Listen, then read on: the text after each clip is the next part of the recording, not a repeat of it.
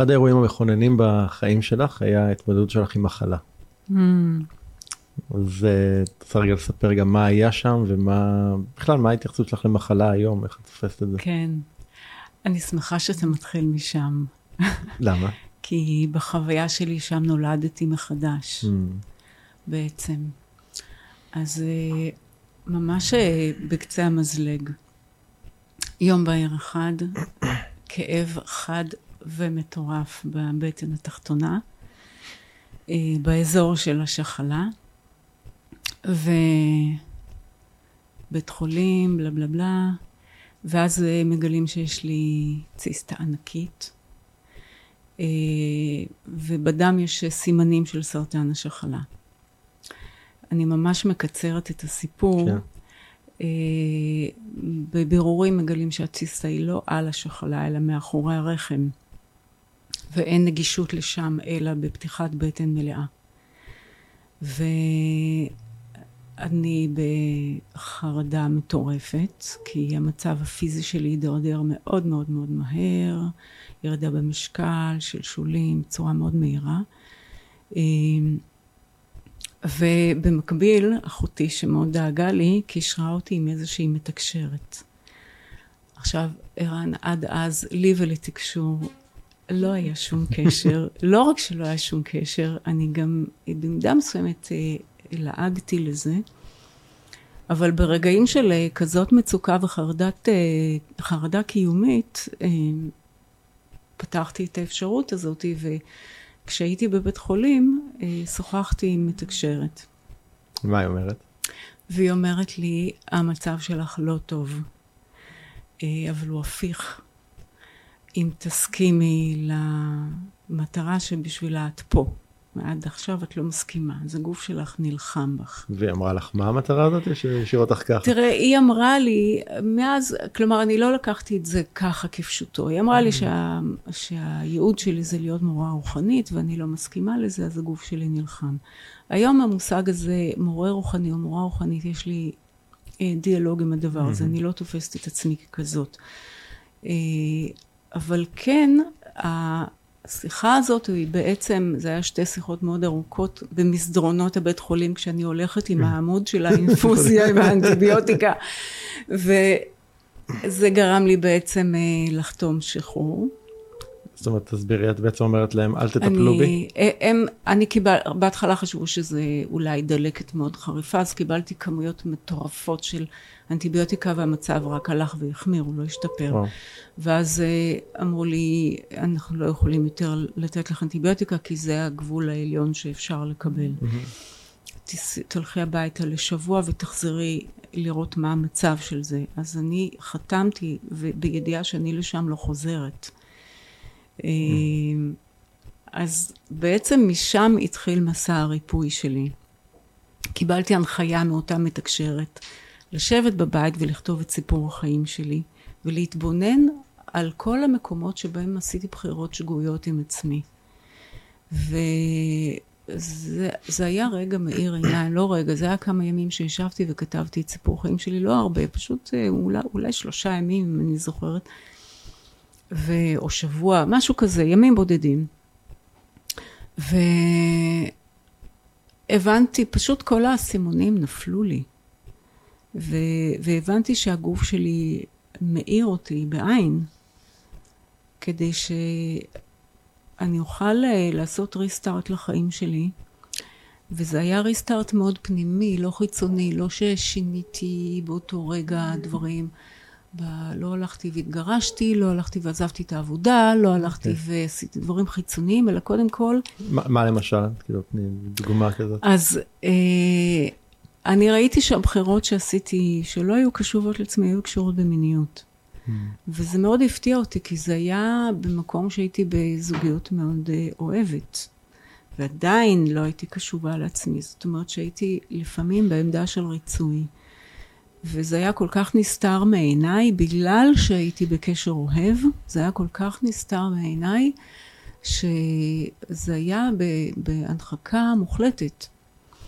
וזה כל מיני ניואנסים קטנים של איך ואיפה ולמה כן. וכמה, וכל מיני ניואנסים קטנים, ואז הדבר הראשון שעשיתי זה היה stop.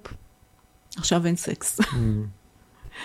ואני צריכה ללמוד את עצמי מחדש וללמוד להקשיב לגוף שלי, ובעצם זאת הייתה הפעם הראשונה שאני התחלתי להבין בכלל מה זה להקשיב לגוף, לאינטואיציה הגופנית, וזה מפתיע, זה הפתיע אותי מאוד כי הייתי אז פיזיותרפיסטית ילדים והיה לי המון המון ידע על הגוף. אבל הידע היה ידע אנטומי, פיזיולוגי, ביולוגי, כן. אולי אפילו נוירופיזיולוגי, אבל זה לא היה אינטואיציה גופנית, שזה שני דברים שונים.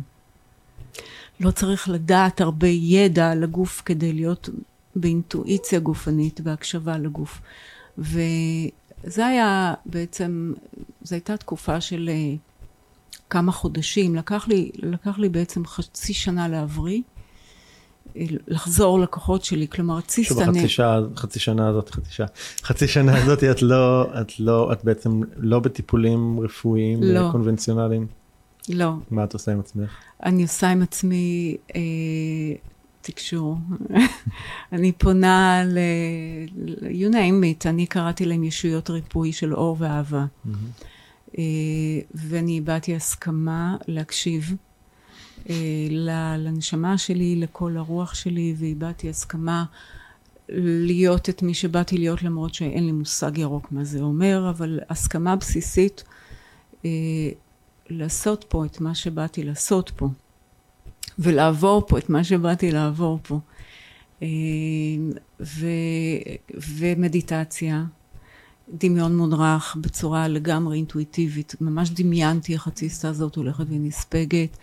וגיליתי סל של אמונות שבעצם הם אלה שהפעילו אותי, הם אלה שגרמו להתנהגויות הלא מודעות שלי. Mm-hmm.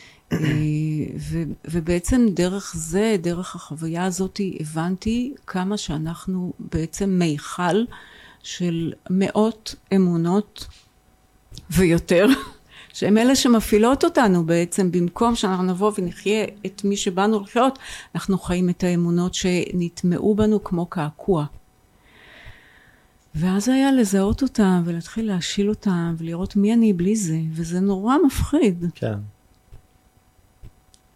ואחרי חצי שנה?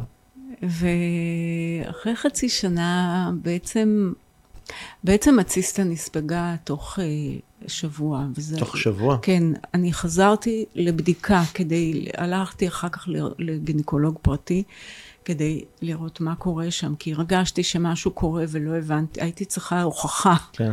אז הוא אמר לי, אני לא יודע להסביר מה שקרה פה, את כנראה אדם עם מודעות עצמית מאוד גבוהה, כי הרפואה לא יודעת להסביר מה קרה, תבואי כן. בעוד חודש לעשות בדיקות דם, לוודא שגם סמני סרטן נעלמו מהדם, וזה אכן הם נעלמו. אבל עדיין הייתי מאוד חלשה, זאת אומרת, באמת לקח חצי שנה עד שהגוף הבריא. אה, ובחצי שנה הזאת אני בעצם עושה התבוננות מחודשת על מה זה חיים, מה זה מוות, למה, למה אני פה, למה אנחנו פה, מה באנו לעשות פה. ו, ובזמן הזה אני גם אומרת לבן זוג שלי עכשיו, אין, אין, אני צריכה ללמוד את עצמי מחדש, אני צריכה ללמוד להקשיב לי, ואחר כך כשחזרנו אה, למגע מיני, אז אמרתי, אני לא חוזרת לאמצעי מניעה יותר, זה היה רעל בשביל הגוף mm. שלי. ואז אה, רמי שאל אותי, אז, אבל אנחנו לא רוצים עוד ילדים, ובאמת שנינו לא כן. לא רצינו עוד ילדים. איך אה, לא תיכנסי להריון? אז אמרתי לו, אני אלמד להקשיב לגוף שלי ואתה תלמד להקשיב לי. Hmm. וזה גם עשה תפנית במערכת היחסים שלנו, אה, בכל המיניות שלנו. אה, טוב, אנחנו הולכים... זה היה... זה היה חתיכת פרומו, אנחנו כן. הולכים לצלול פנימה. מיד אחרי הפתיח.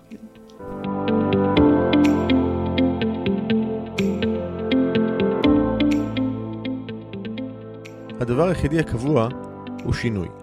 ובכל זאת, אנשים רבים חוששים ונמנעים מלעשות שינויים בחייהם. השינוי מוציא אותנו מחוץ לאזורי הנוחות ואל עבר חוסר הוודאות שלרוב מפחיד אותנו מאוד.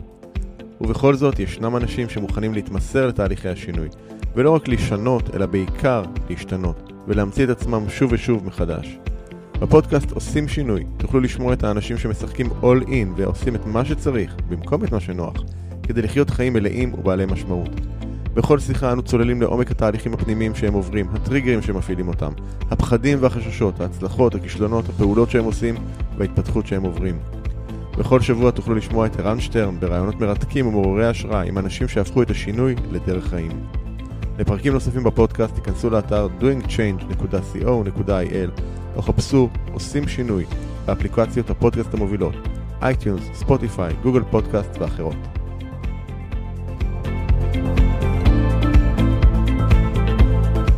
ברוכה הבאה מלכה פלדשטיין. היי ערן, אני שמחה להיות פה. אהלן, long time. long time, כן. אז אה, מלכה היא מלווה זוגות ויחידים להשיל פחד, בושה ומבוכה מאינטימיות אה, רגשית ומינית, אה, וגם מחברת הספר האמת העירומה של האהבה. אכן. גם עליו נדבר. אז ברוכה הבאה. ושאלה שאני נוהג להתחיל איתה זה מי זו מלכה? וואו, מי זו מלכה? נכון לרגע זה. מלכה היא אישה שמגששת את דרכה עם מצ'טה בחיים האלה. עם מצ'טה. כן. זאת אומרת, מפנה את מה שמפריע לראות בדרך. Okay. אוקיי. כי בעצם זה, הדימוי של מצ'טה זה לא בגלל הלוחמנות, אלא החיים בחוויה שלי הם קצת כמו ג'ונגל. Mm-hmm. זאת אומרת, אנחנו רואים רק את הצעד הבא. אה, גם אם נדמה לנו שאנחנו מתבוננים מאוד רחוק ויש לנו תוכניות ארוכות טווח, אבל באמת אני רואה רק את הצעד הבא. לפחות זאת התובנה שלי היום. כן. אז כדי שאני אוכל לראות טיפלה, טיפלה יותר מצד אחד, אני צריכה אה, אה, להוריד את מה שמפריע לי לראות. אה, בדרך כלל מה שאני מוצאת שמפריע לי לראות זה פחדים. Hmm. אז זה הדבר בעצם שאני... זה לא מצ'טה, את מחסלת אותם? אני... אני כן, מורידה... יש משהו מאוד אלים בתנועה כן, של המצ'טה. לא, זה דווקא יש משהו קשוב ליער. Okay. אוקיי. אני יותר, מת...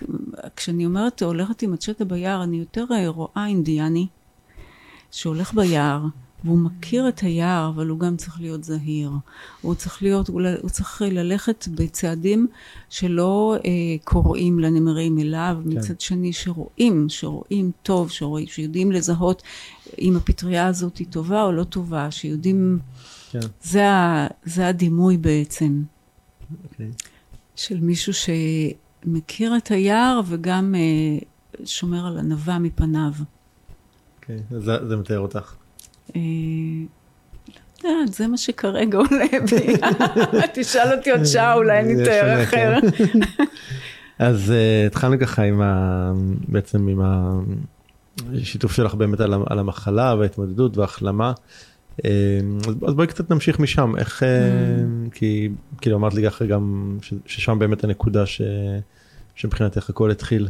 כן, שם שם, שם הנקודה שהתחילה איזושהי הקשבה אינטואיטיבית. אה, אם אני מסתכלת לאחור, אז כן, זה לא שלא הייתה לי הקשבה אינטואיטיבית, אבל היא התבטאה במקומות מאוד מסוימים, כמו למשל כשהילדים שלי היו חולים. אז הייתה לי איזה מין אינטואיציה כזאת, איך, איך, איך להבריא אותם, איך לטפל בהם, מה נכון, מתי לקחת אותם לרופא ומתי אין צורך. אה, מתי אה, לתת להם אנטיביוטיקה ומתי אין צורך. אז שם כן הייתה לי אינטואיציה, אבל באופן אה, ממש גופני אליי, שקשור אך ורק אליי, אה, אני כן פעלתי מתוך מסרים חברתיים אה, של הצריכים למיניהם. כן, צריך... הסללות. הסללות, צריך אה, להתחתן, צריך להקים בית, צריך להביא ילדים לעולם, שלושה ילדים, צריך מקצוע. אה, בית, אה, הלוואי ולא היה לי צורך במשכנתה, אבל זה, כן. הרעיון הוא בית, אה, פיזי. בית ומשכנתה בטח זה בא ביחד כן. אצל רוב האנשים. כן. מעטים אלה שלא צריכים את ה... כן. כן. אני יכולה בהתבוננות לאחור לזהות נקודות מיוחדות של אינטואיציה. ואמיצות. באותם רגעים זה, זה מין חבירה כזאת של הקשבה לעצמי ואומץ. אבל באותו רגע... שהאומץ הוא מה, הוא ללכת נגד הזרם באיזשהו מקום? אני אפילו לא מתחשבת בזרם, זה ללכת עם עצמי. Mm. לא אכפת לי מה הזרם. לא, אבל כן, גם ללכת עם, עצ- כאילו, כשאת ללכת עם עצמי וניקח את זה רגע לדוגמה של ה... שהתחלתי, של הסיפור של המחלה, אני משער, תגידי את, אבל שבסביבה שלך אה, בטח הרימו גבה על הבחירה שלך לא לחזור לטיפול רפואי מן הסתם, לא? אה, אני אגיד לך את האמת, אני שיתפתי מעט מאוד אנשים, כי לא רציתי שיפריעו לי בדרך. אוקיי. אז raised my case. אז כששיתפתי את רמי, הוא, הוא ככה בא אליי קרוב, קרוב, קרוב עם העיניים, ו... ואמר לי, מלכה, תבחרי בחיים. ו... כי מבחינתו הבחירה הזאת הייתה, הוא חשב שזה לא? לא, לא, לא, הוא הלך איתי. זאת אה. אומרת, רמי, אני יכולה להגיד בצורה באמת יוצאת דופן שהוא תומך בכל החלטה שלי, גם אם לפעמים הוא לא אה, מסכים איתה, אבל הוא, הוא מכבד מאוד את החופש של האדם להחליט על עצמו.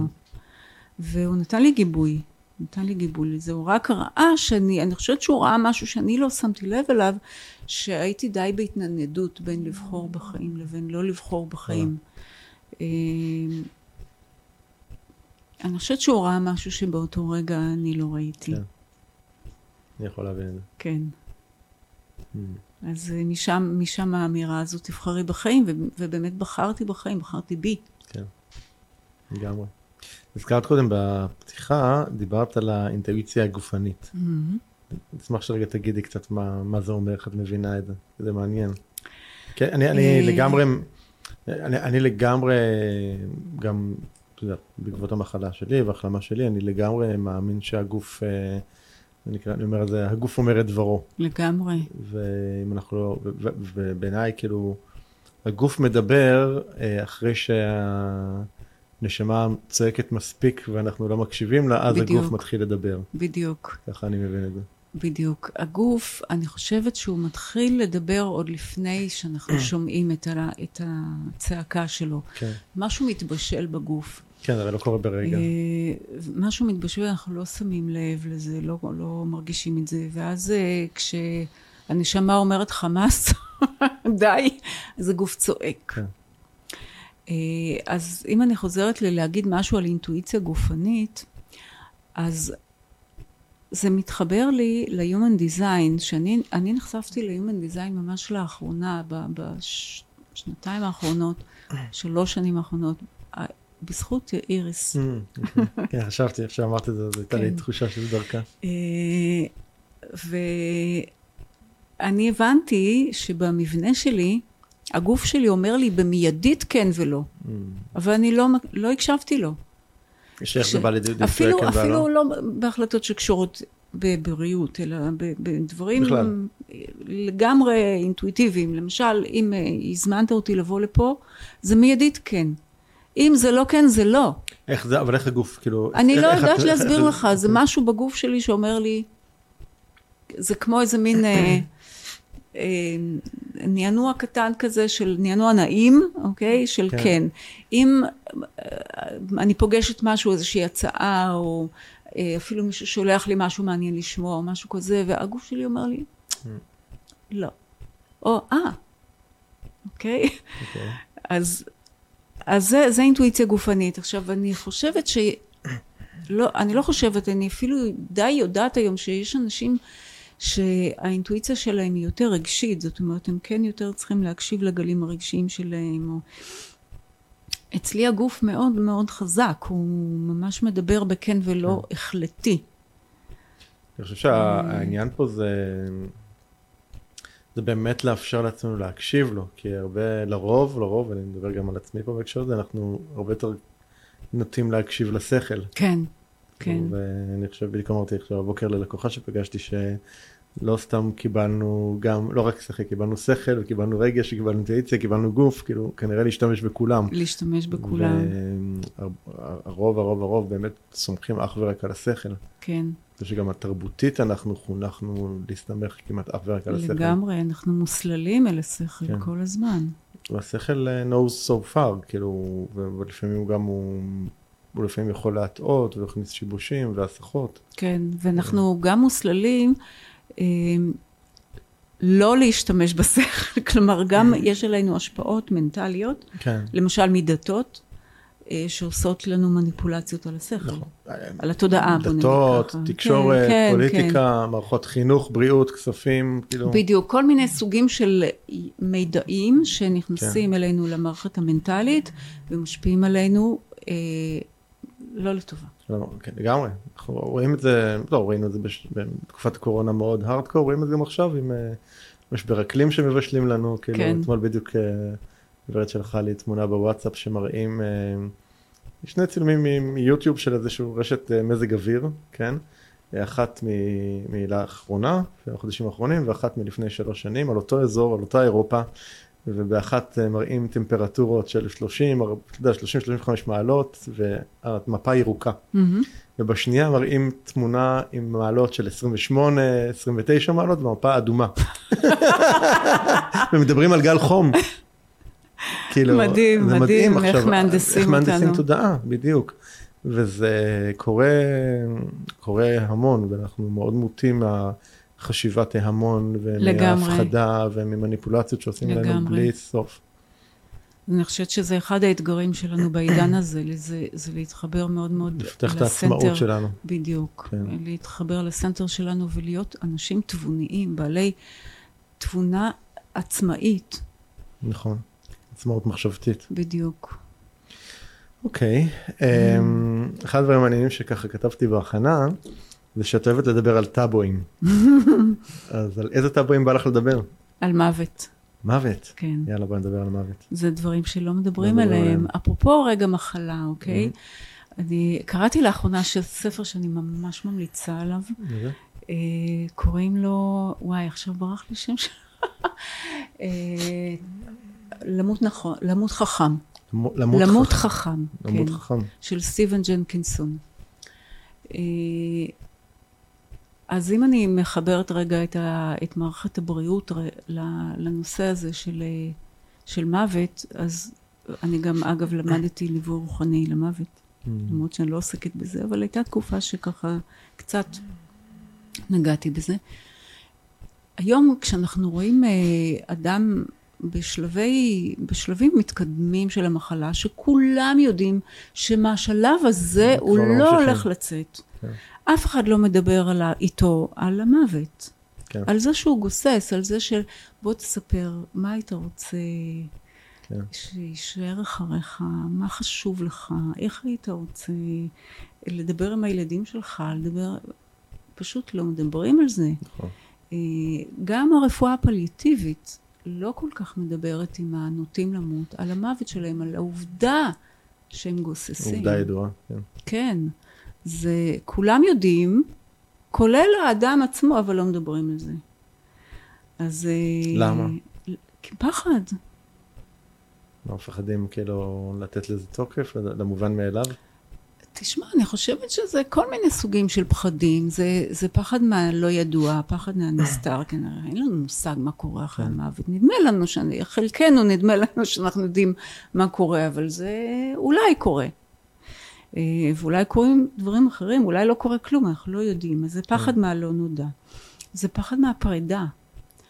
אה, וזה לפעמים פחד מלגעת בדברים שלא נגענו בהם במהלך החיים שלנו, ו- ובעצם זאת ההזדמנות האחרונה, כן. לגעת בדברים שלא נגענו בהם, ואולי פחד ממה יצא אם אנחנו ניגע בדברים שלא, שלא נגענו בהם. אה, אז אה, כל מיני כאלה סוגים של פחדים. דיברת כאן באמת על, על אנשים שהם מה שנקרא רגע לפני. אני חושב שהפחד ממוות הוא, הוא הרבה יותר עמוק גם אצל אנשים שלכאורה אין, אה, אין שום איום קיומי על חייהם בטווח הנראה לעין. לגמרי.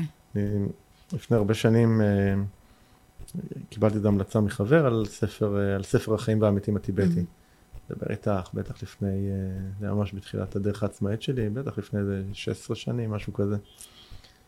וקניתי אותו, והתחלתי לקרוא אותו, והאמת שהוא היה, לא הצלחתי לשרוד אותו. כן, איכשהו ב- הוא כבד, הוא הוא ספר כבד. ספר כבד. אני חושב שהגעתי לעמוד אה, 80, 90, משהו כזה, ו... ו- והוא נשאר על המדף, לא, לא הצלחתי להתקדם בו. ואז לפני כמה שנים שחליתי, אה, לא יודע למה נזכרתי בו. עכשיו גם כשחליתי לא הייתה לי באמת סכנה, לא הייתי באמת סכנת מוות, כן. אבל איכשהו נזכרתי בו. ולקחתי אותו וקראתי אותו מההתחלה והשלמתי אותו. והדבר אני חושב שהכי משמעותי שלקחתי משם זה, זה בעצם תובנה שמדוברת שם שעד שאדם לא מסכים למות, הוא, או ומקבל, יכול את. ומקבל את המוות בדיוק, הוא לא יכול לחיות. כן. ואני חושב שזה זה עשה לי המון המון המון שכל, כאילו זה ככה איכשהו סידר לי, סידר לי בראש את הדברים, כי באמת הפחד הזה מהמוות, כל עוד הוא נמצא שם כמו איזשהו צל אפל וגדול, והוא מנהל אותנו. לגמרי. והחוסר רצון שלנו להסתכל עליו, או לקבל אותו, או להשלים איתו שזה יקרה. אתם יודעים, החיים זה הדבר הכי מסוכן שיש, בסוף מתים. לא יוצאים מזה טוב. לא יוצאים מזה טוב, כאילו, מתים, כאילו זה הדבר הכי סופני. לגמרי. אתה- אתה מזכיר לי את הספר הזה, וזה באמת, כשהייתי אה, חולה והלכתי הביתה לעשות את התהליך הבראה שלי, זה הספר הראשון שקראתי. וגמעתי אותו. כי הייתי לגמרי בשלה, זאת אומרת, הייתי במקום הזה של להסכים לפגוש את המוות כדי לחיות. כן. אה, והיום אני חושבת שהפחד הכי גדול שלי זה למות בעודי בחיים. Hmm, תסבירי את זה. זה לא המוות, אלא... איך, אני, קשה לי להסביר את זה, זאת אומרת, זה, זה לא לחיות באמת. כן. ו, והלא לחיות באמת הוא לא קשור בלגמוע את החיים.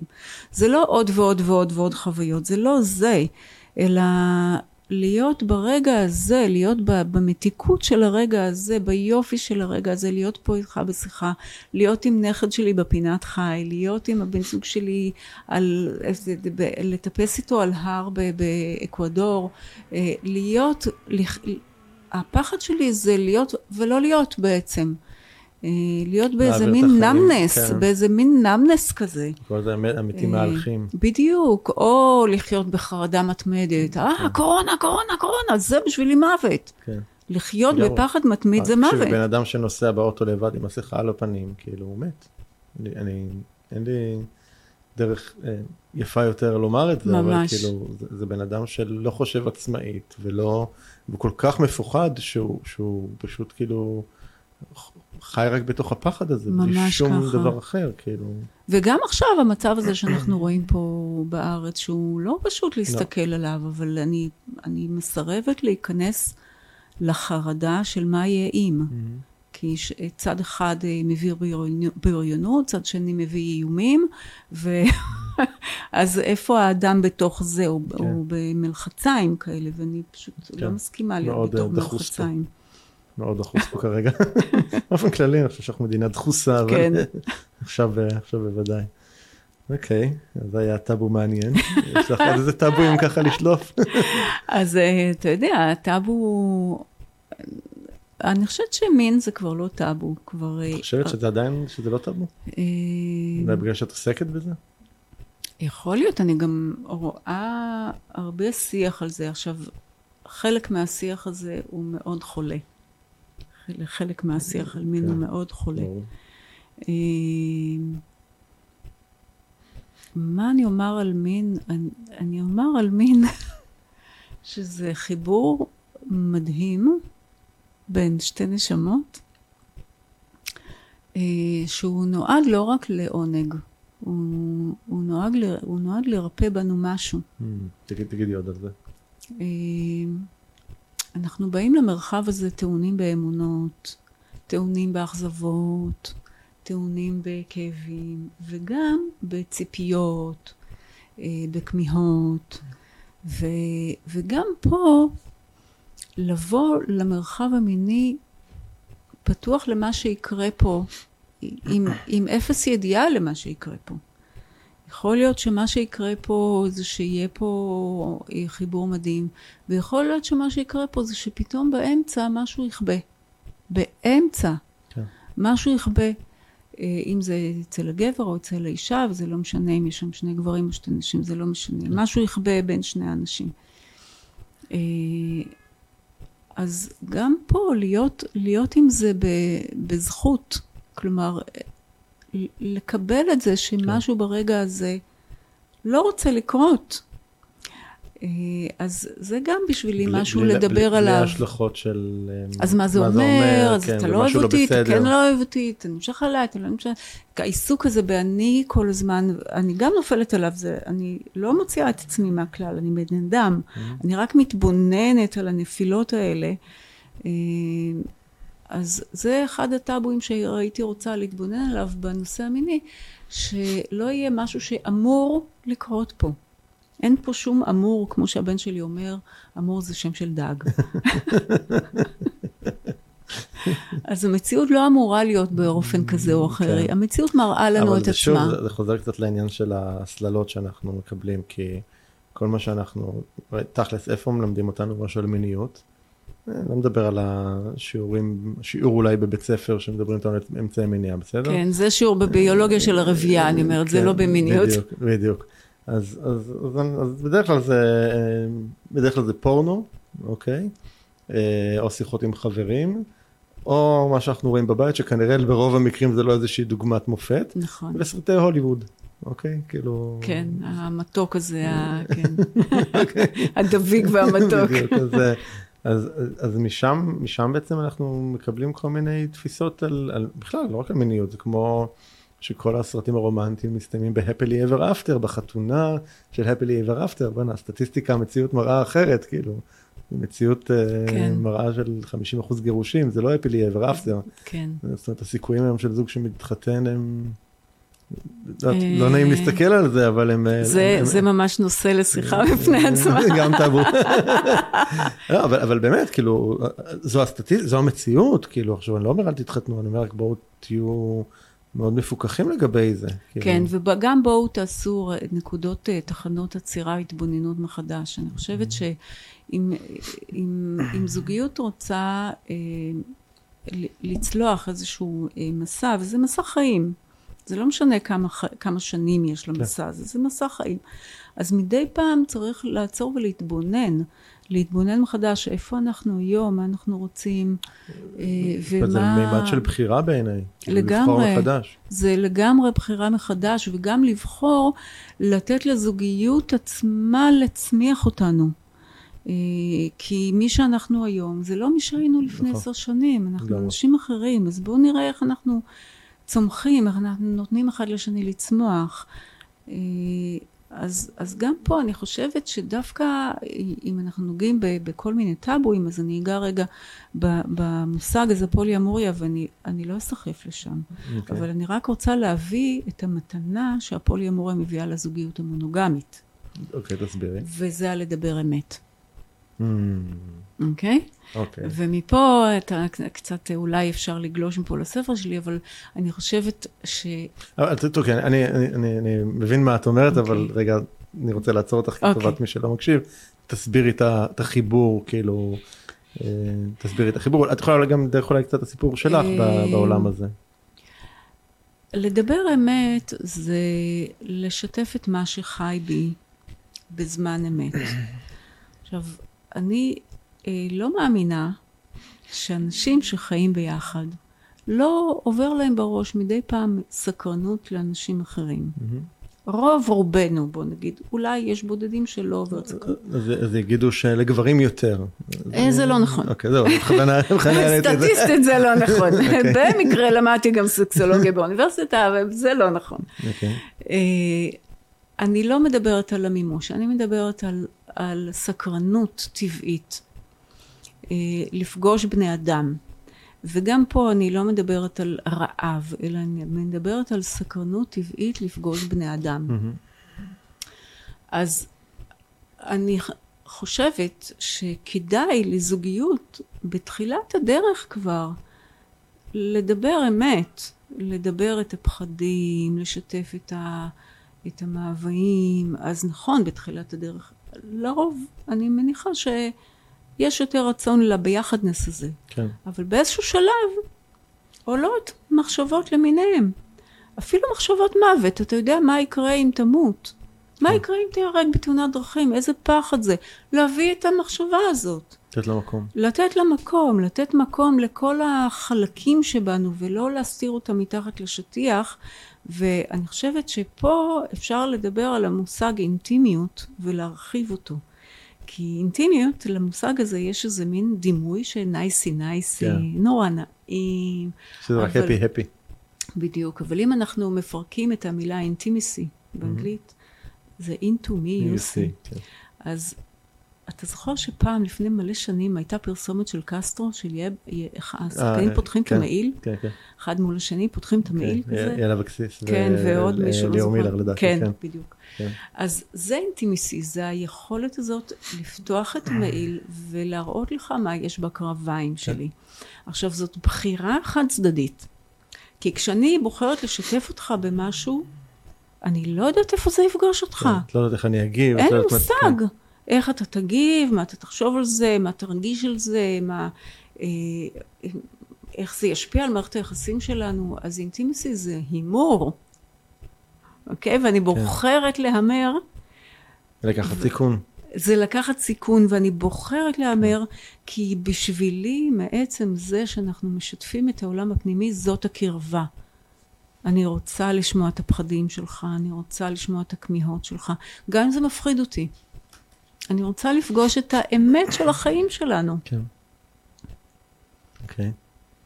אז זה לדבר אני- אני מאוד אמת. יכול להתחבר לזה, אני יכול, אני, אני יכול לראות לגמרי בקשר שלי עם ורד, שכמה מהרגעים הכי הכי הכי אינטימיים שלנו, הם הרגעים היותר מורכבים בקשר. Mm-hmm. הרגעים היותר מורכבים, יותר כואבים, יותר... אה, אה, שם, שם האינטימיות שלנו הכי התפתחה, ואני אני מניחה ששם גם הקשר שלכם נכון, הכי התחזק. לגמרי. כי, כי אנחנו פה בפלנטה של חיכוך, אנחנו פה בפלנטה נכון. שיש עליה כוח הכובד. וכוח הכובד הוא לא משפיע רק על הגוף, הוא משפיע על, על הכל, על הנפש, על הכל. והגדילה שלנו היא דרך חיכוך. זה נורא נחמד להגיד, אנחנו רוצים לצמוח מתוך אה, שמחה, אהבה, יופי, בליס וזה וזה וזה.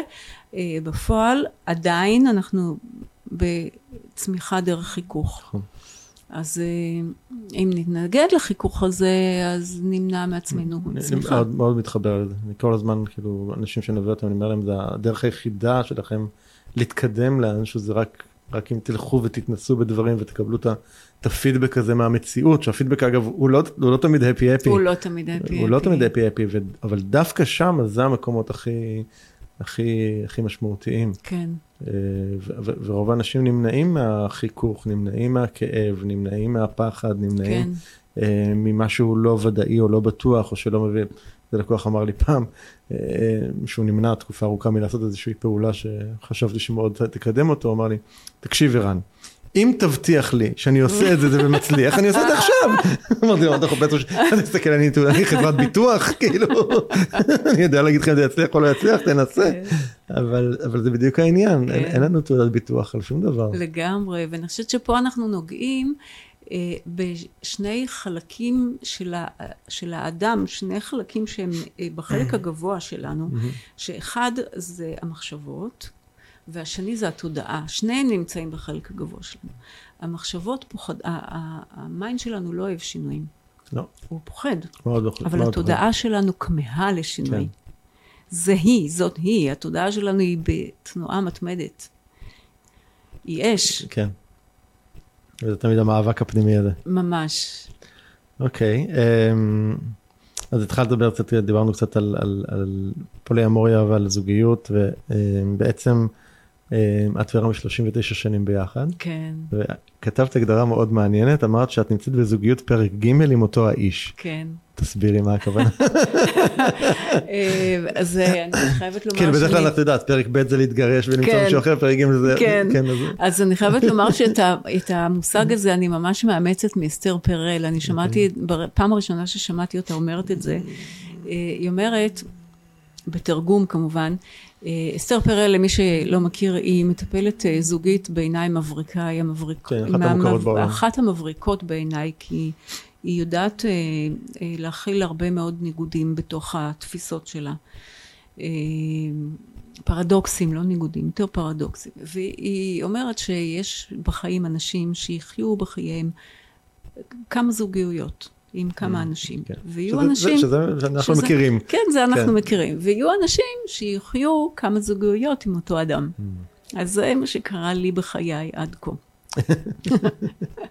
אז יש את הפרק של ההיכרות, ואני לא, אני לא סוגרת אותו בהתה, בשלב של ההתאהבות, mm-hmm. ההיכרות, הבניית משפחה, הילדים כן. הצעירים, הבניית החיים שלנו, אוקיי? זה הפרק האחד. הפרק השני התחיל עם המחלה שלי, וההתעוררות שלי, זאת אומרת, הוא התחיל עם אה, אה, להזיז את הגבינה, כן. הוא התחיל עם רעידת אדמה, שבעצם הציפה ספינות תרופות. מה עושה רעידת אדמה? היא מציפה כן. את כל מה שבמצולות. כן. את כל השדים, פחדים, בדיוק, צללים. בדיוק, בדיוק. ואני בהוקרת תודה ענקית על, ה, על רעידת האדמה הזאת, כי היא הביאה אותנו לשלב הזה שבו יכולנו לדבר יותר אמת אחד עם השני, ואני, בהתבוננות לאחור, אני מבינה שלפני הטלטלה הזאת אני לא הייתי בשלה. לשמוע את כל האמת, והוא לא היה בשל להגיד את כל האמת, mm. וגם הפוך. הפוך. אז כל דבר מגיע בעיתו, mm. ככל הנראה. כן. אה, אז, אז זאת, זה היה הפרק הזה של... אה, שבפרק הזה אנחנו גם החלטנו שאנחנו רוצים... אה, שזה, אני רק אחבר, זה, זה מחבר למשפט שאמרת קודם, שבעצם אה, אני חושב שזו הייתה הגדרה מאוד מעניינת ש, ש, שאמרת של, שהפולימוריה מכריחה אותנו לדבר אמת במונוגמיה. כן, זאת אומרת, זה פתאום כן. לדבר באמת על הצרכים שלנו, על הרצונות בדיוק. שלנו. ואני חייבת להגיד, אני חי, חייבת להניח פה, אני חייבת את זה לעצמי, mm-hmm. שאני לא מזוהה עם פולימוריה. Mm-hmm. אני, אני לא מזוהה, לא עם מונוגמיה ולא עם פולימוריה. אוקיי, אז תגידי על זה. אה, במובן של אה, לכל... אין לך אג'נדה. אין לי אג'נדה. אוקיי. אני חיה את מה שחי בי עכשיו. Mm-hmm. אני לא יודעת מה יחיה בי בעוד שנתיים, ואני גם לא חושבת שיש דרך נכונה או דרך כן. לא נכונה. יש, יש את הצעדים שלוקחים אותנו בדרך ההתפתחות שלנו.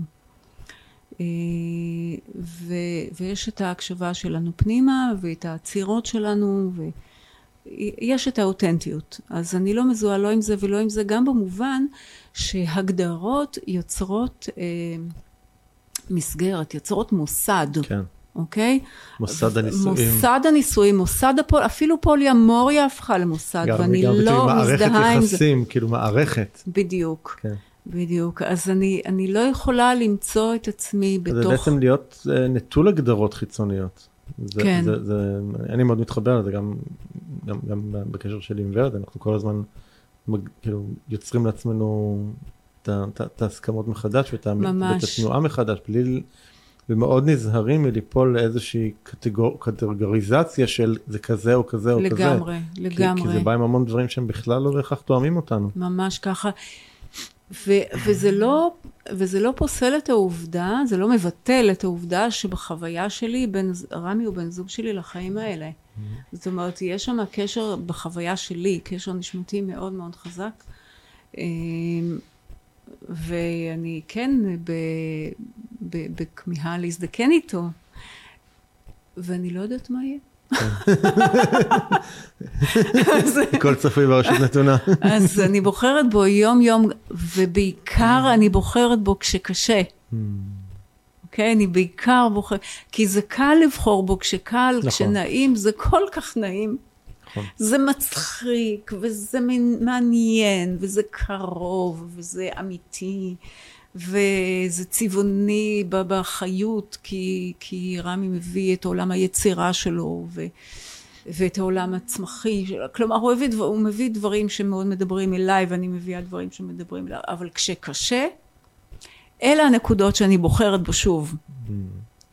As is, כפי שאתה, עם הבונקר שנכנסת אליו, ועם הניכור אה, שנכנסת אליו, כי אתה לא מצליח אה, לפגוש אותי באות, באותם רגעים, שם אני בוחרת. את, את עובדת הרבה עם זוגות, ו... אז נגיד מישהו ששומע אותנו עכשיו, וכאילו פתחת לו איזשהו משהו בשיחה, מאיפה בכלל מתחילים איך מתחילים בכלל להזיז תנועה כזאת? איזה תנועה? תנועה של באמת של לדבר אמת. אוקיי.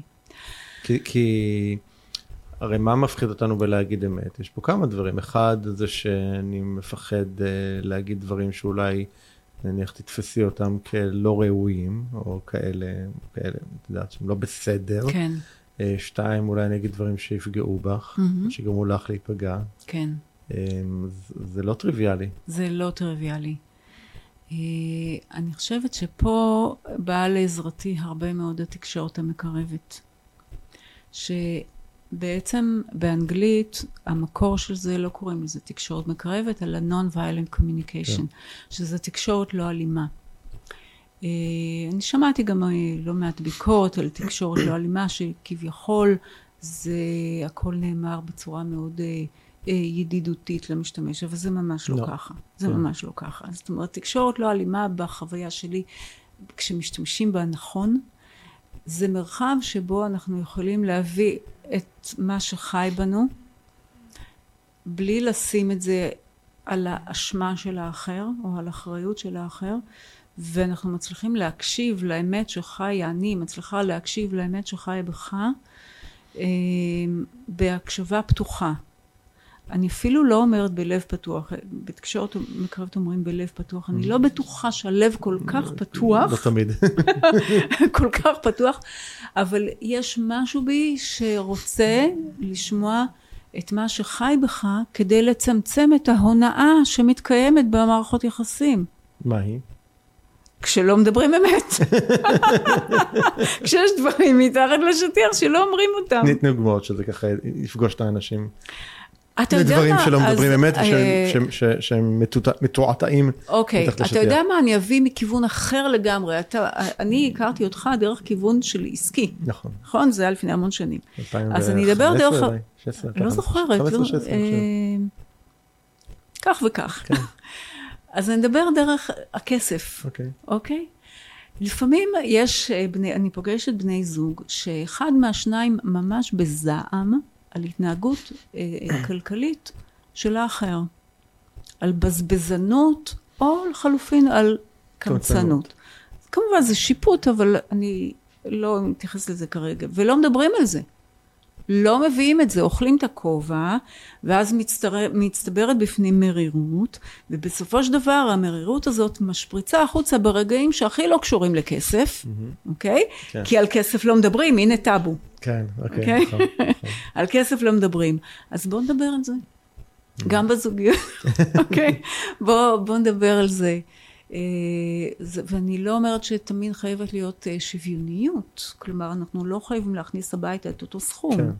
זה לא קשור, כסף הוא סימבול. בואו נתבונן על זה, מה המאגרים המשותפים שלנו, האם אנחנו שלמים עם איך אנחנו מתנהלים או לא שלמים.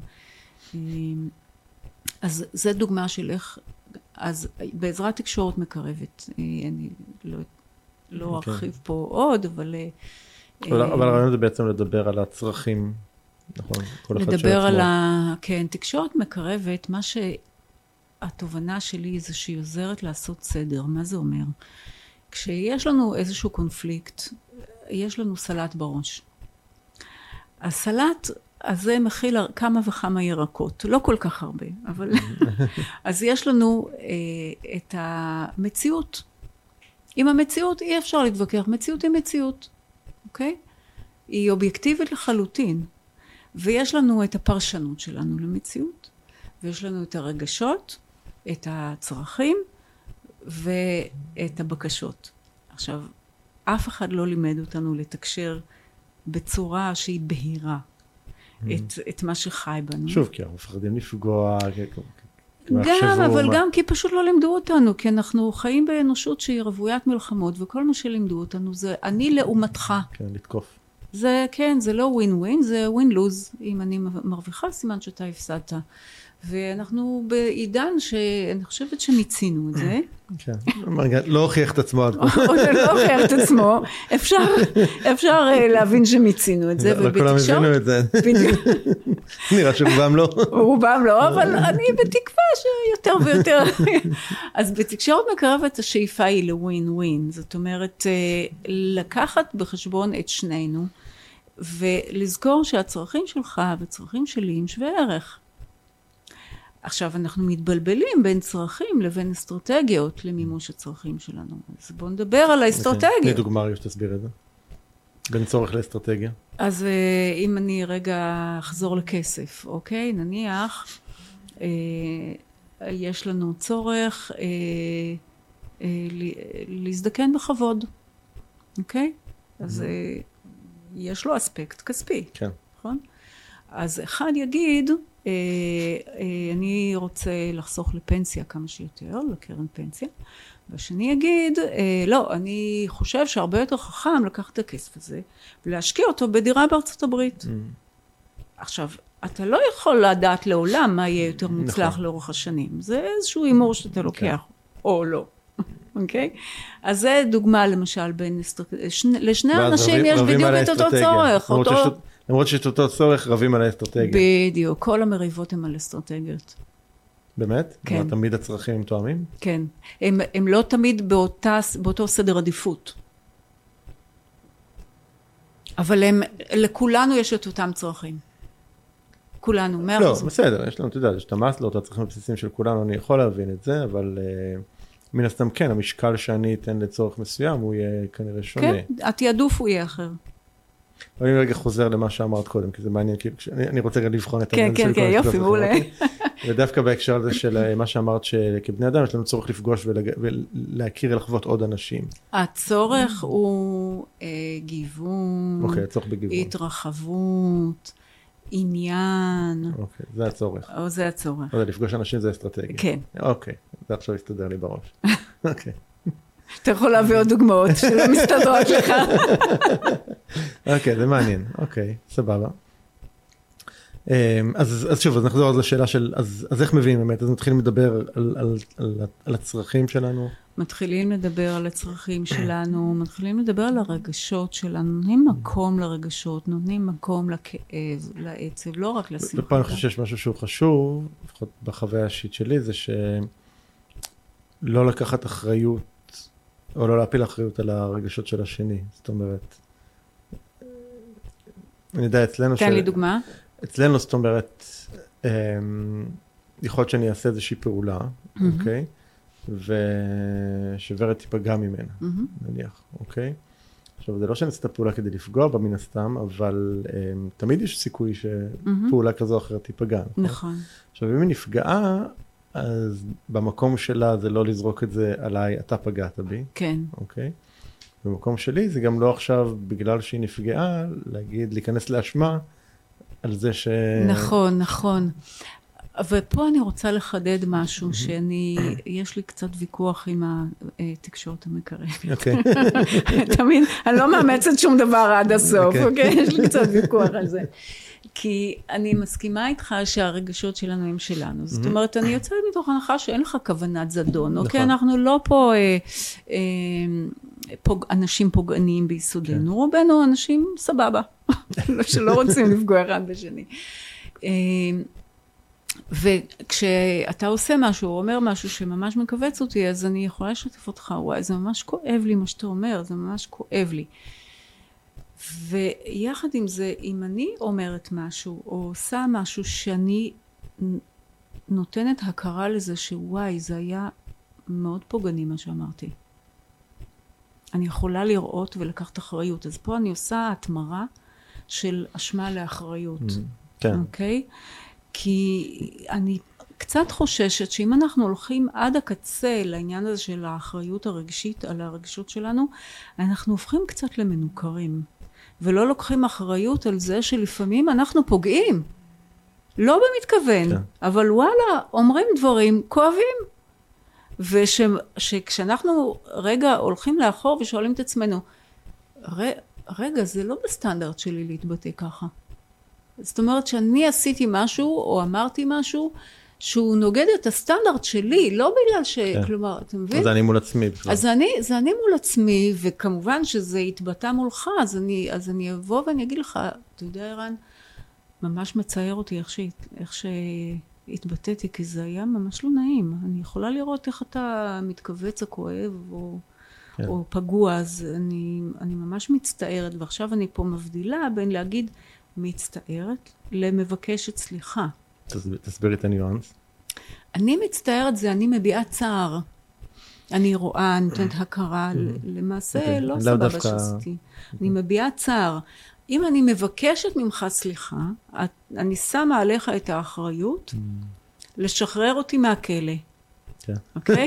נכנסתי לכלא האשמה, כן. עכשיו בידיך המפתח לשחרר אותי. עכשיו, אתה אולי לא תשחרר אותי עשרים שנה, כן. אוקיי? כי אולי אה, אתה נותר לי טינה בגלל שהמעשה היה בלתי נסלח בשבילך, אוקיי? אז מה, אני נשארת בכלא עשרים שנה בגלל שעשיתי מעשה שהוא... כן, נכון. אוקיי? אה, אז זה ההבדל בין אה, להביע צער ל... ללבקש סליחה. אני חושב שזה מאוד מאוד מאוד משמעותי הדבר הזה. בכלל, כאילו, אני חושב שאשמה היא אחד מבתי הכלא המתוחכמים שאנחנו נוהגים להכניס את עצמנו אליהם ממש. בתחכום רב. אה, ודיברת שם קודם על הקשר בין אשמה ואחריות, אני, אני גם יכול לראות היום שאשמה היא, היא דרך מתוחכמת ל- להסתיר חוסר בלקיחת אחריות. זאת אומרת, חוסר, כאילו, אי לקיחת אחריות. כן, כאילו ברגע שאני אשם אז אני כאילו אשמה אש, כשאני לוקח אשמה על משהו יש בזה איזשהו אלמנט של הקלה. זה מניפולטיבי גם. כן כאילו אני, אני כאילו אומר אוקיי תשמעו אני יודע פגעתי אבל הנה אני, אני אשם אז, אז כאילו אז אני כאילו הכרתי בזה שאני פגעתי ואז כאילו אני כאילו מחליק את זה שפגעתי. כי אני- כי מסכימה אני איתך. מרגיש אשם. כן, זאת אומרת זה לא באמת לעשות משהו. אני ממש זה- מסכימה זה איתך. קצת, זה כמו דאגה. אוקיי, גם בדאגה אני לא יכול לעשות משהו כדי להשפיע, אני לא יכול, אני מודאג מאיראן, אני לא יכול Mm. להשפיע על זה, נכון? אז אני אהיה מודאג, אז אני מרגיש כן. קצת יותר טוב, כי אני כאילו עושה משהו בזה שאני מודאג, אבל אני לא באמת, כן, לא באמת משפיע עליו ולא... אז, אז המקום פה באמת, האשמה הרבה פעמים מכסה על חוסר לקיחת אחריות, ואז אפשר להתחיל להסתכל לראות על מה אני לא רוצה לקחת שם אחריות. אני ממש מסכימה איתך. אגב, המילה דאגה באנגלית, יש לה אה, ש, שתי צורות, יש worry ויש care. Mm, נכון, אז אני אוהבת את ה-care. את ה-care. כן, את המובן של לדאוג האכפתיות. מתוך אהבה, כן, כן, כן, ולא לדאוג מתוך פחד. כן. כן, נכון. אוקיי, אמ, בוא נדבר קצת על הספר שלך. הספר שלי, וואי, כן. אתה יודע, זה כבר כל כך מזמן. האמת העירומה של אה, אהבה. לפני שבע שנים כבר. אפשר שלוק? כן, בטח. אמ, הספר שלי. מה, תספרי אולי רגע עליו, ואז כאילו מה, גרם לך בכלל לכתוב אותו. אה, הספר שלי הוא מסע חיי עד נקודה מסוימת. של החיים. כבר בינתיים זרמו מים בנהר, כן, אז שבע שנים, בכל זאת אמרנו שינוי, נכון? כן. אז אה, הוא מתחיל מה...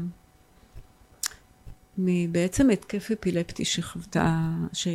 שהבת שלי עברה תוך כדי נסיעה, ועשיתי לה החייאה כי התחילה להכחיל ולאבד דופק. והיא בסדר, אל תדאגו, כבר חלפו המון המון שנים מאז, והיא מזמן מזמן הבריאה. אה, אבל זה היה בעצם הקטליזטור, לפי דעתי, בהתבוננות שלי, למחלה שלי. כלומר, משהו השתקשק בי והסכים לצאת החוצה. אה, ואז אני מתארת בספר, הפרק הראשון הוא תהליך ההבראה שלי, והתובנות, ב- הכתיבה היא דרך סיפור החיים שלי, אבל בעצם הכוונה שלי, כוונות. שהקורא יעבור את מסע חייו במקביל. אה, שכל כל רגע שהקורא קורא הוא רגע עוצר ומתבונן על חייו. זאת אומרת, זה, בעצם לקחתי את האומץ להתבונן על החיים בפומבי. אה, ו, ואז אני מתארת את התהליך של אה, פתיחת הזוגיות שלנו. בעצם אני לא קוראת לזה פתיחת זוגיות, אלא יותר לאפשר לעצמנו להביע אהבה מחוץ לקשר כשזה מתאים. אני ממש מדגישה כשזה מתאים. אה, אני מדגישה כי אני אגיד משהו פה מאוד שיפוטי, אוקיי. ואני עומדת מאחורי השיפוט הזה, אוקיי? כן. אני רואה אה, לא מעט במרחב אה, הפולי-אמורי, ואני אני ממש ממש לא אה, מצביעה על שמות, זה לא. אני מתבוננת על מרחב. כן. אה, אני רואה שם לא מעט abuse. אה, שזוגות עושים אחד לשני, אה, כשהם... להכאיב אחד לשני. אה, לא בכוונה, לא בכוונה, לא במודע. לא, לא במודע, אבל כששמים את החופש כנר לרגלם, אוקיי. לרגליהם. כשהחופש נמצא בראשון בסדר העדיפויות, בשבילי אגב זה לא החופש. אני חושבת שבני אדם הם לא כזה חופשיים כמו שהם חושבים. בהגדרה לא. אה, מה? בהגדרה אנחנו כן, בדיוק. אז אה, כשהולכים על כל הקופה של החופש, זה עשוי להיות מאוד פוגעני. אז אני מתארת בספר, אני חוזרת לספר, מה, מה עשינו, ודווקא אנחנו פתחנו, אפשרנו לעצמנו לאהוב כשהיינו בהיי מאוד טוב עם עצמנו. זה לא היה מפלט משום דבר. Mm-hmm. זה היה ממש, ממש התרחבות. אז אני מתארת את התהליך, ואני גם מתארת שם איזה בורות יש בדרך, וממה לשים לב, אה, וכמה חשוב להזין את הזוגיות כשפותחים את הקשר. כן. ו... אבל לפני זה אני מתארת, יש את הפרק ביניים, שבעצם זה לפגוש את המיניות שלי מחדש, עם רמי. Mm. לפגוש את, ה... לפגוש את התשוקה שלי כמו שאף פעם לא פגשתי. כן. כשאני נטולת ריצוי, כמה חופש יש, איך, איך אישה בעצם, דיברנו קודם על כביכול פערים בין נשים וגברים, שגברים רוצים יותר, זה בכלל לא נכון. כי כשאישה חופשייה מה, מהעמדה המרצה, וכשאין גם ממנה ציפייה מעצמה וגם מהגבר שאיתה ציפ, ציפיות, כלומר כן. ציפיות יש תמיד, אבל לא איזה מין תובענות, אז יש בנו הרבה מאוד תשוקה. אה, ואתה יודע שהפרק שאני הכי אוהבת בספר שלי זה הפרק האחרון. שמה? שאנשים כמעט לא שמים לב אליו. אה, אני נסעתי למדבר אה, כדי לכתוב את הפרק השלישי על התהליך של פתיחת הקשר, כי נורא פחדתי. זה היה לפני שכל השיח כן. הפתוח היה נפוץ, היינו די, די... אני חושב שגם היום הוא לא כזה נפוץ, אני אגיד לך, עלה בתחילת השבוע. אה, פרסמתי פרק שעשיתי גם כן עם מישהו שכתב על המסע המונוגמי mm-hmm. ש... שלו, וקראתי לפרק האם המונוגמיה מתה, mm-hmm. אוקיי? ותקשיבי, כאילו, ראיתי תגובות של אנשים שזה כן. נורא הפחיד אותם, כן. את יודעת. אפרופו, האם המונוגמיה מתה, אני חושבת שהמונוגמיה עכשיו, יש לה חיים חדשים הרבה יותר יפים מאשר. קודם. זאת אומרת שבזכות אה, כל מה ש... זה, זה לא רק התהליך במרחב הזוגי, כל, כל, כל מיני עוולות יוצאות החוצה בעולם. כן. אה, ובזכות זה יש צ'אנס למונוגמיה להיות הרבה יותר בריאה מאשר הייתה mm-hmm. פעם. אז הפרק האחרון, אני נסעתי לכתוב את הפרק השלישי במדבר לבד, ופתאום הייתי חולה. והיו מיליון סממיות בחדר, זה היה הזוי, זה היה מין חושה כזאתי. ועשיתי הסכם עם הסממיות, אל תפריעו לי, אני לא אפריע לכם. בדיוק. אה, ואז בעצם אה, הגיע so called תקשור, היה שיח, זאת אומרת, mm. שיח עם חלקים גבוהים כן. יותר. אה, השיח היה עם, עם המהות של האמת והמהות של ה... אה, כבר אני לא זוכרת כי מזמן לא פתחתי את הספר, אבל זה, זה מה שהכי דיבר אליי.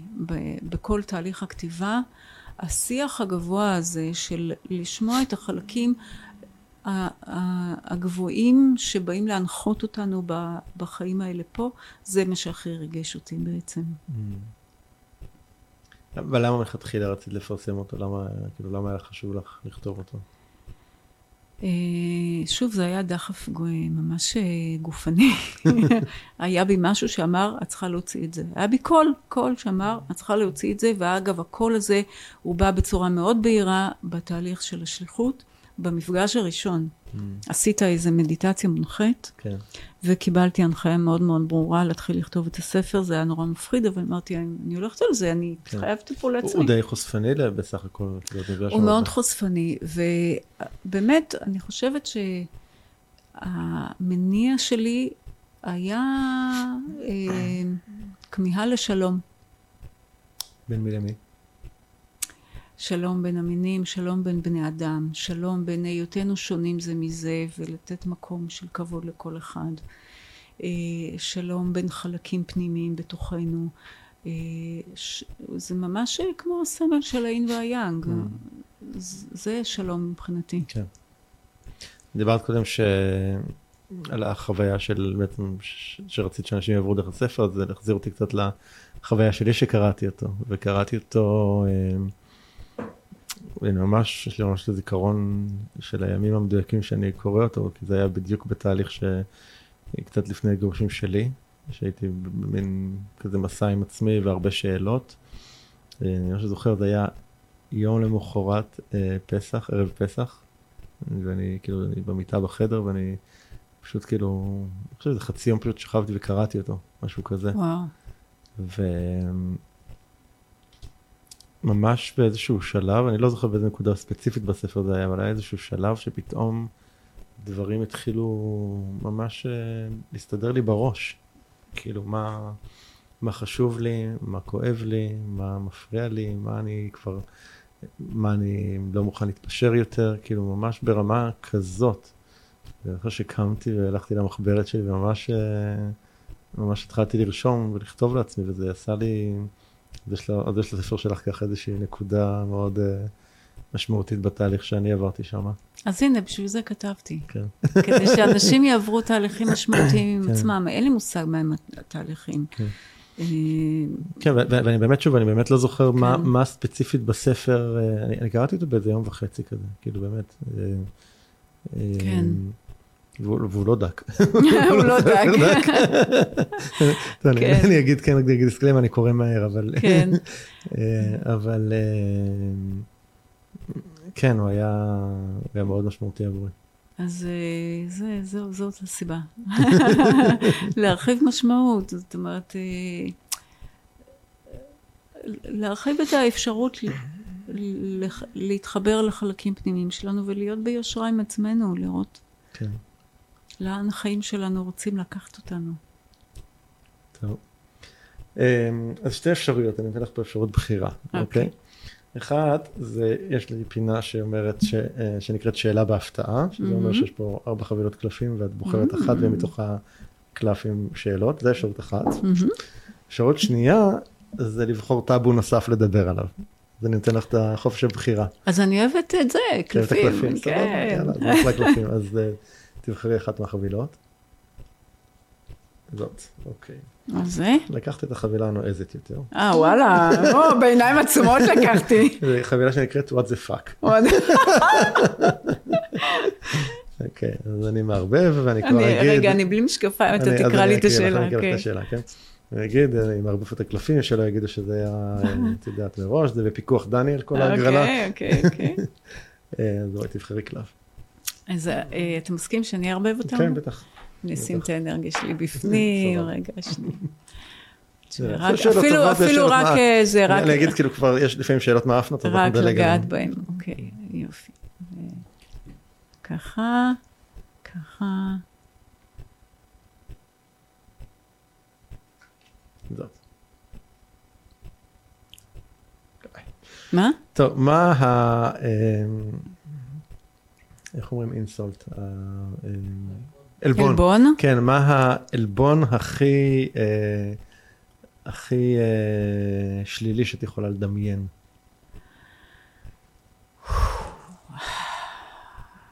מה הדבר הכי מעליב שאת יכולה לדמיין? משהו כזה נראה. שאנשים לא יגידו לי אמת. Hmm, וואלה, כן, תחבר למה שדיברנו, כן. שאנשים לא יגידו אמת. האמת למה- הכי- למה- האמת הכי קשה היא יותר- יותר קלה לי מאשר שקר. שקר, כן. נכון. מחזיר אותי, את יודעת, אה, אחד הרגעים המאוד קשוחים בתהליכים שאני עברתי, זה היה זה פגישה עם המטפלת שלי. אה, והייתי תהליך מאוד מאוד קשוח שם, ואז היא אומרת לי, אני לא מבינה, אתה בן אדם מודע, יש לך הרבה אנשים סביבך וזה, איך אף אחד לא אומר לך אמת. אני כאילו, נגמר וואו. לי, נגמר לי האוויר. שיו. נגמר לי האוויר, באמת. וחזרתי הביתה, וכעסתי על כולם מסביב, איך אתם לא אומרים לי אמת. ואז, אה, אחרי שגמרתי להיות קורבן של זה, אז אמרתי, ולהאשים את כולם, אמרתי, אוקיי, למה הם לא אומרים לי אמת? ואז התשובה הייתה, מה שנקרא, על הקיר, Mm. כי אני לא אומר להם אמת. מהי האמת שלא אמרו לך? שאתה חושב, כאילו, אתה לא חייב לענות לי. לא, לא, לא, לא חושב שזה לכאן, אבל... אוקיי. אה, אה, כן. הכוונה היא אנשים קרובים אליך. אנשים קרובים אליי, כן, כן, כן, כן. אוקיי. ואז הבנתי, כי אני לא אומר להם כן. אמת, כי אני לא מספר להם באמת על כן, דברים, כאילו באמת אנשים הם. המראות שהם... בדיוק. כן. כן, אז אני מסכים שזה יכול להיות מאוד מעליב. זה נורא מעליב. כן. וואי, בשבילי, לא להגיד אמת, לשקר, לא להגיד אמת, זה כן. ממש מעליב. טוב, רוצה עוד אחד? יאללה.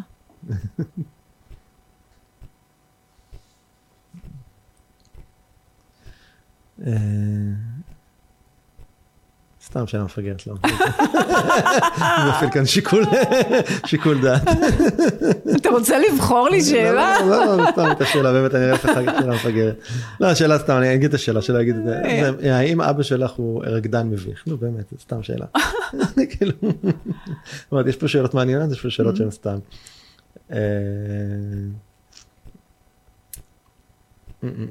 איזו, טוב, אני רוצה לתרגם את זה רגע. What's the best inside joke you have been a part of? כאילו, איזה, בדיחה פנימית? כן, שהיית חלק ממנה. אני לא זוכרת. טוב, עזבי, עוד אחת. רוצה שאני אבחר לך? יאללה, כן. אני אבחר לך. נו, באמת, מה זה השאלות האלה? אה, אוקיי. הנה, זו שאלה מעניינת. מה אוקיי. הדבר הכי מביך אה, או גרוע שההורים שלך תפסו אותך עושה? לא מגלה. אין חוק התיישנות או משהו כזה?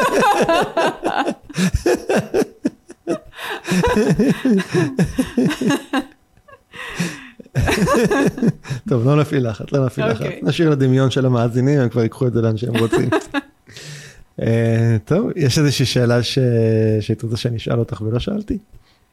אה, לא, האמת שממש נהניתי. לא, אין איזושהי שאלה. יש שאלה שאתה חושב עליה שלא שאלת? אה, לא. שלא הכנת? לא, הכנתי כל מיני, אני לא כל אוקיי. שואל.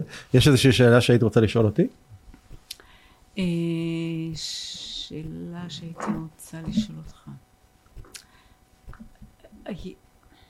יש איזה נושא שהייתי רוצה, יאללה. אוקיי? והוא קשור בצמיחה כלכלית. אני חווה את עצמי כסוג של עב"ם, אוקיי. במובן? במובן שאני ממש חושבת, אבל זה, זה insight, שכל מה שקשור בתפיסה על צמיחה כלכלית בעולם מתבלבל. התבלבל לגמרי. אה, אני רק מניחה פה משהו שאני חושבת שיום אחד האנושות אה, תבין שמספיק לצמוח במובן הכלכלי. היותר. היותר, ושהצמיחה תלך לכיוונים של צמיחה תודעתית, של אה, כאלה דברים. זאת אומרת שאנשים גם הבינו שאם תהיה להם עוד דירה פה, עוד דירה שם, עוד זה פה, עוד זה שם, זה לא מה שיבטיח את עתידם. לא, וזה גם לא יבטיח להם אה, אושר והם לא הולכים את זה. לקבר. בדיוק. אז... אה, אז מה רצית לשאול? אה, אז ירדה לי השאלה. האם במהלך השנים האחרונות שלך, בעיקר מהמחלה ההבראה וכולי, האם התפיסות הכלכליות שלך השתנו? לחלוטין. ספר לי. בעצם כל ה... כל מסע ההתעוררות סלש התפתחות שלי התחיל בכלל בגלל, בגלל כסף. אוקיי? זה התחיל מאבא עשיר אבא עני, כן. שקראתי אותו כשהייתי שכיר באינטל, אה, שמאוד טלטל את עולמי, כי בעצם כל מה שגדלתי, חונכתי, פעלתי וגם השגתי תוצאות על פיו, פתאום בא והוא מראה לי, זה לא ייקח אותך לאן שאתה רוצה. אה, ואז המסע ההתפתחותי שלי התחיל מתוך הרצון שלי להגיד, אוקיי, אני רוצה לסדר את העתיד הכלכלי שלי יותר טוב, משם זה התחיל. אה, משם הגעתי אחר כך לעולם ההתפתחות האישית, והתחלתי לעבור, לעבור בעצמי תהליכים וכולי, ואני חושב שבאמת השנים הראשונות אחרי זה באמת היו מאוד ממוקדות על, אה, על הצלחה במובנים הכי קלאסיים מערביים שלה, בסדר? שזה אומר כסף, פרסום, כבוד, כזה, כאילו, מהמם. כ- כאילו, את יודעת, אה, אה, ו... אני חושב שהשינוי של התפיסות שלי התחיל קצת, עוד קצת לפני המחלה, אני חושב שהוא התחיל ב... כשנסענו, כשיצאנו בעצם לטיול ארוך בעולם. ושם חזרתי מה, מהטיול הזה, מסע עם כל המשפחה, היינו שבעה חודשים בעולם, ואת יודעת, שאני מסתובבת אה, עם בערך 100 קילו ציוד לחמישה אנשים, mm-hmm. שזה שתי מוצ'ילות ומזוודה, אוקיי? ותיק אב לכל אחד, mm-hmm. ולא חסר כלום. לא חסר כלום. מדהים, אה? לא חסר כלום. ויותר מזה, כאילו, זה, זה, אני, אני לא אשכח, כאילו, יצאנו, בהתחלה יצאנו עם עוד מזוודה נוספת, כן? ואז אחרי חודש שהיינו בנפאל, אז תומר חזר לביקור בארץ, והחזרנו איתו מזוודה עם 28 קילו ציוד מיותר שלקחנו. אני זוכר שאני כאילו, אני מסתכל על ה... כאילו, מה, מה, הכלל היה כזה של, אוקיי, מוציאים את הדברים, כל מה שלא השתמשנו בו בחודש הזה, כנראה שלא צריך להיות איתנו יותר. ואני מסתכל, סתם דוגמה, אני רואה שלקחתי איתי לנסיעה הזאת שני ג'ינסים. ואני אומר, רגע, הפעם האחרונה שלבשתי ג'ינס היה בטיסה. אז סבבה, אז יש לי עוד כמה טיסות, אבל למה אני צריך שניים? כן.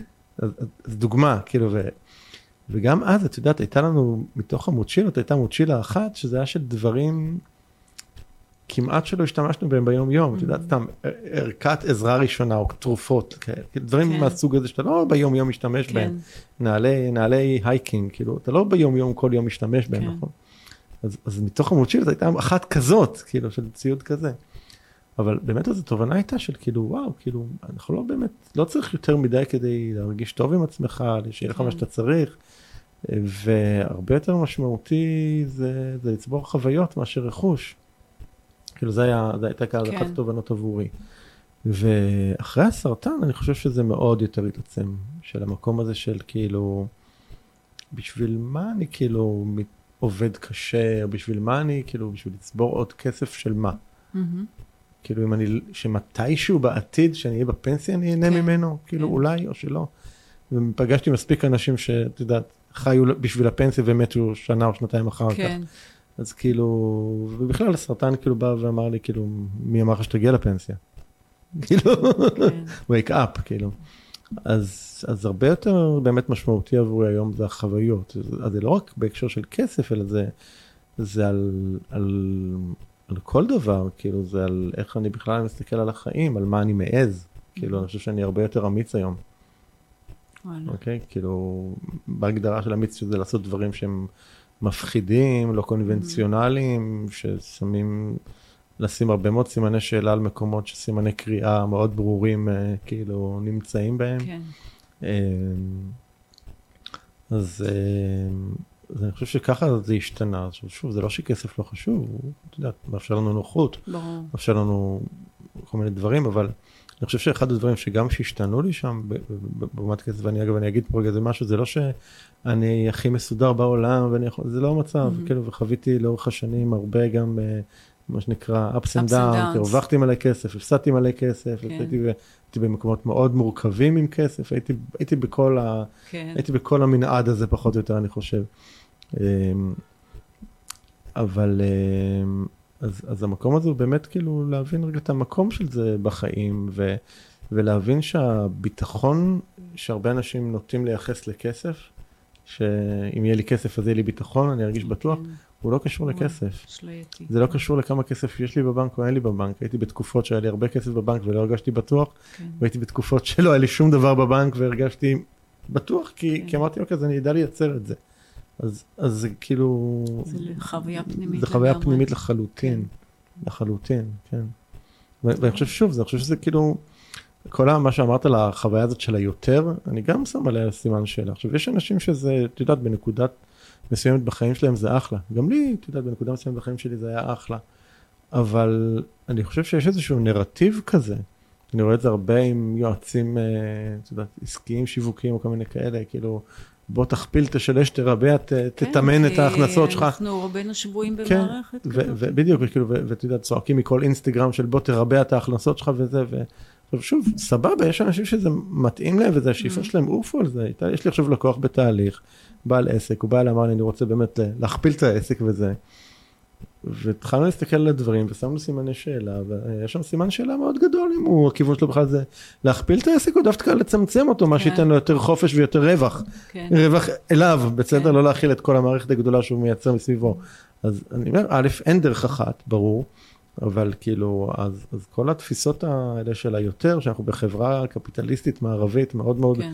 שאני חושב שהולכת רק מקצינה את הדבר הזה אה, כל הזמן כי הפייק בוק והאינסטוש מראים לנו כמה כולם אה, נפלאים ונהדרים כן, בדיוק. ומצליחנים. בדיוק אז, אז, אז כן אז אתה רואה את ההוא עם הרכב החדש רק את לא יודעת שלרכב הזה יש לו הלוואה של 300 אלף שקל שהוא לא יודע מאיפה הוא משלם את אותה בסוף החודש כן. כן הוא לא יגיד את זה ב Instagram. אז יש הרבה פייק שגורם לנו פייק. המון פייק שגורם לנו סוג של תפיסה מעוותת של המציאות ושל מה חשוב באמת. אז אה, חוויות הרבה יותר חשובות מרכוש בעיניי. כן. תודה. תודה. אז אה, היה ממש כיף שבאת. גם לי. אני אגיד לכם למי שהאזין לנו ככה אז אה, אחד אה, מקווה מאוד שנהנתם מהפרק ואם נהנתם אז יאללה שתפו אותם עוד אנשים שיוכלו גם הם ליהנות ממנו.